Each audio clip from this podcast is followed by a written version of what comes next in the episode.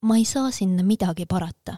iga kord, kui ta juba uksest sisse tuleb, ma lähen nii närvi. või iga kord, kui ma tema tehtud kooki näen, on see järgmisel hetkel juba mu suus. või iga kord, kui olen plaaninud trenni minna, tuleb mul mingi oluline tööasi ette või ma olen sellel päeval lihtsalt väsinud. ma ei saa sinna midagi teha.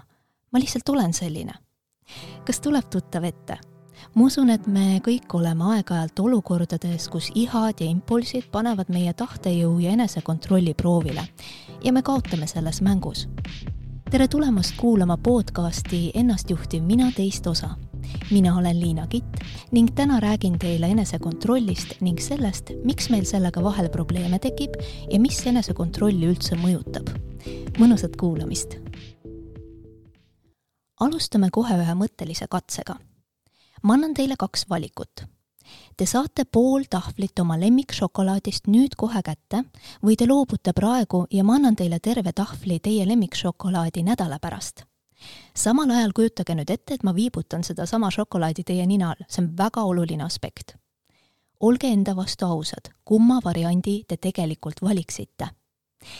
katsed näitavad, et enamus valib esimese variandi. Nad tahavad seda šokolaadi kohe ülejäänud teist, kes te lükkasite šokolaadi saamise edasi, te kas valetate endale või teile ei meeldi šokolaad. no hästi, mõni üksik siiski jääb, kes on selleks otsuseks päriselt ka võimeline. nüüd teeme teise mõttelise katse. Teil on jälle kaks valikut. Te kas saate pool sellest samast lemmikšokolaadi tahvlist aasta pärast või terve tahvli aasta ja ühe nädala pärast. kumma te nüüd valite?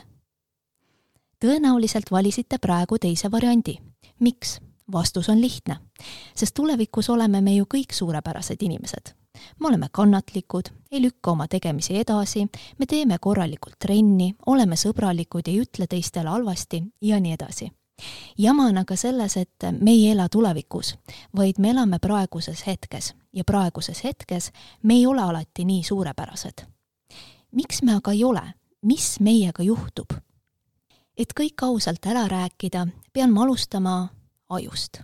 Ja konkreetsemalt otsmikussagarast ehk peenema nimetusega prefrontaalsest korteksist, mis tegeleb nende vaimsete funktsioonidega, mida peetakse inimese intelligentsuse juures olulisteks, nagu näiteks planeerimine, impulsside tagasihoidmine, käitumise kontroll ja mõtlemine me teame, et aju saab nii-öelda täiskasvanuks aja jooksul ja otsmikusagar, mida võib äh, nimetada ka aju kontrollorganiks, areneb inimesel välja kõige hiljem, alles kahekümne viiendaks eluaastaks see põhjendab, miks me noorena nii palju rumalusi teeme ja ennast aeg-ajalt hästi kontrollida ei suuda.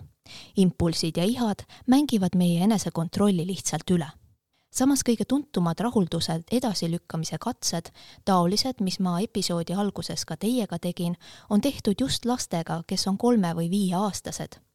Dunedini uuring Uus-Meremaal on kestnud üle neljakümne aasta ja selle tulemusel avastati, et lastel, kellel on juba noores eas hea enesekontroll, on see ka tõenäoliselt täiskasvanuna lisaks sellele on nad võrreldes oma eakaaslastega tulevikus tervislikumad, paremal järjel nii tööalaselt, majanduslikult kui ka sotsiaalsete suhete valdkonnas taoliste katsetega on saadud aga teada ka seda, et kuigi inimese käitumist mõjutavad nii pärilikkus kui ka väliskeskkond, siis õpivõime võib korvata sünnipära ja kasvutingimuste pidurdava mõju.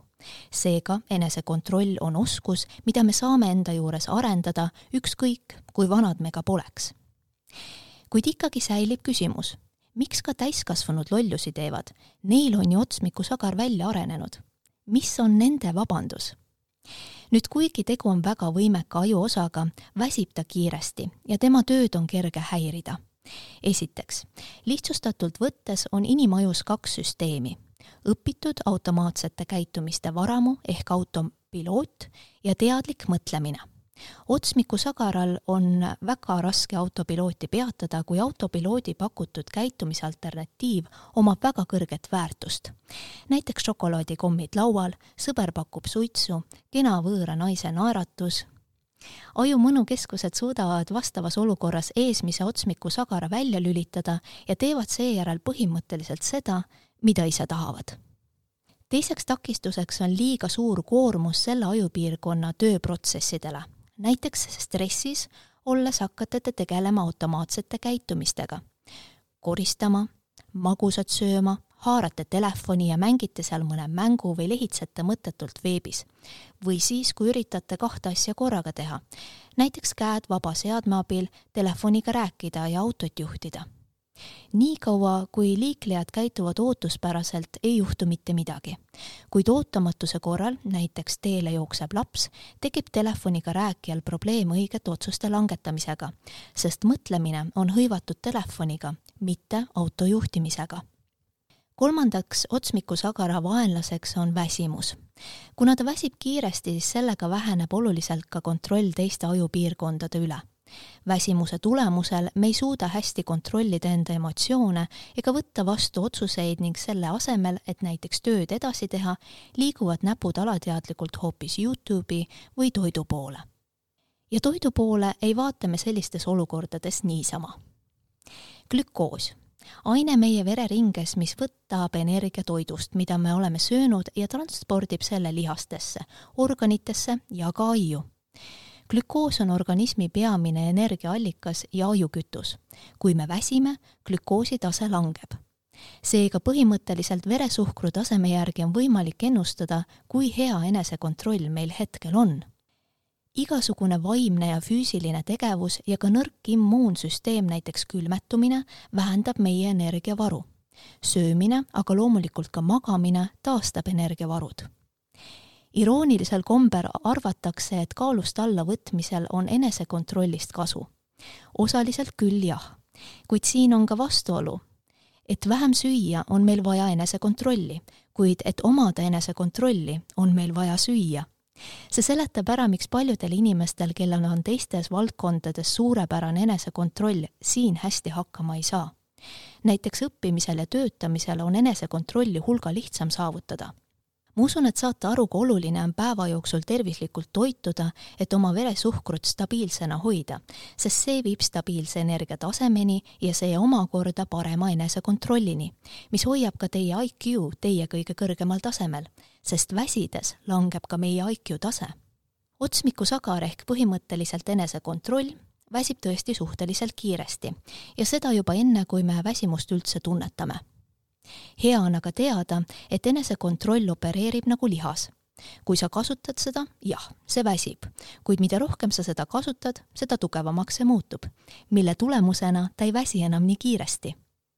võtame uuesti näiteks auto juhtimise kui me alles õpime autoga sõitma, siis see on väga väsitav kogemus, sest meil on vaja järsku nii palju asju korraga teha ja märgata tea, kus on sidur, pidur, gaas, vaheta käiku, lase vanatädi üle tee, näe teisi autosid, oota, ja mis see kiirusepiirang siin oligi? no vot, algus on väga keeruline. Kuid mida rohkem me sõidame, seda lihtsamaks see läheb. auto juhtimine muutub automaatsete liigutuste kogumiks ning pole enam teadlik protsess, ehk energiat kulub sellele tegevusele vähe. Ja oma teadlikku tähelepanu saame suunata hoopis ümbritsevale liiklusele enesekontrolli aitab suurendada ka meditatsioon, igasugune regulaarse trenni tegemine, aga ka sellised väikesed tegevused nagu teadlik enda rühi pidev kontroll, enda mittedominantse käe kasutamine lihtsate tegevuste tegemiseks ja nii edasi. nagu te mõistate, on energia miski, mis äh, tegutsedes kaob ja sellega väheneb ka enesekontroll näiteks teadlased tegid tudengitega katse, kus nad andsid neile erinevaid ülesandeid. sealhulgas pidid nad samaaegselt õppima headele tulemustele ja vahetama iga päev sokke selle katse korrelatsioon oli miinus kuus ehk tudengid polnud selleks lihtsalt võimelised.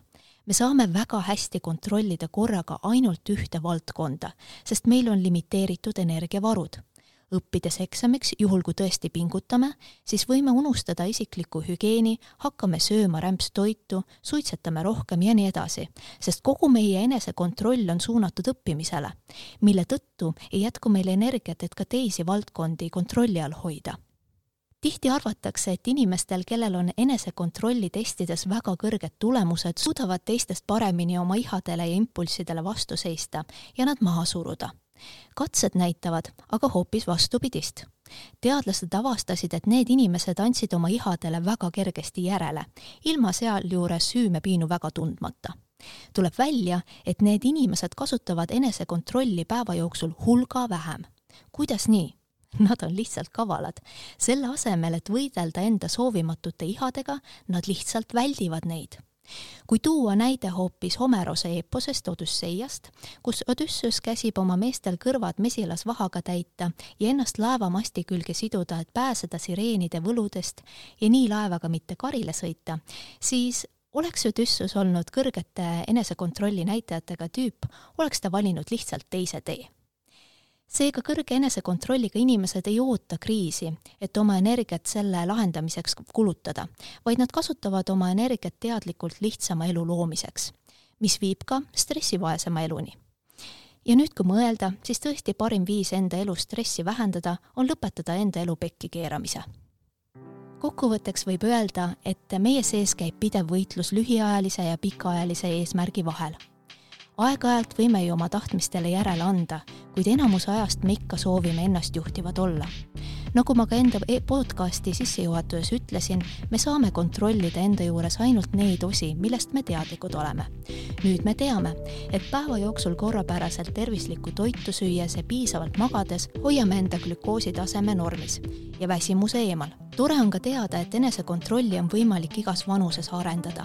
selleks saame endale igapäevase rutiini luua, mille käigus viime ahvatluste tekkimise võimaluse miinimumini või siis harjutame ennast uute, meile kasulike käitumismustritega, mis muutuvad ajaga automaatseteks kõikide nende väikeste suurte muudatustega, mis alguses on rasked, hoiame enda energiat aga pikemas perspektiivis hoopis kokku ja säilitame nii parema enesekontrolli mul on väga hea meel, et oled ka sellel nädalal leidnud tee just ennastjuhtiv Mina podcastini. suur aitäh kuulamast! materjalid, mida selle osa loomiseks kasutasin, leiad episoodi kirjeldusest. järgmisel nädalal võtan ette kolmanda müüdi ja räägin teile õppimise seostest ajuga. seniks aga arukat ajukasutust, kohtume järgmisel nädalal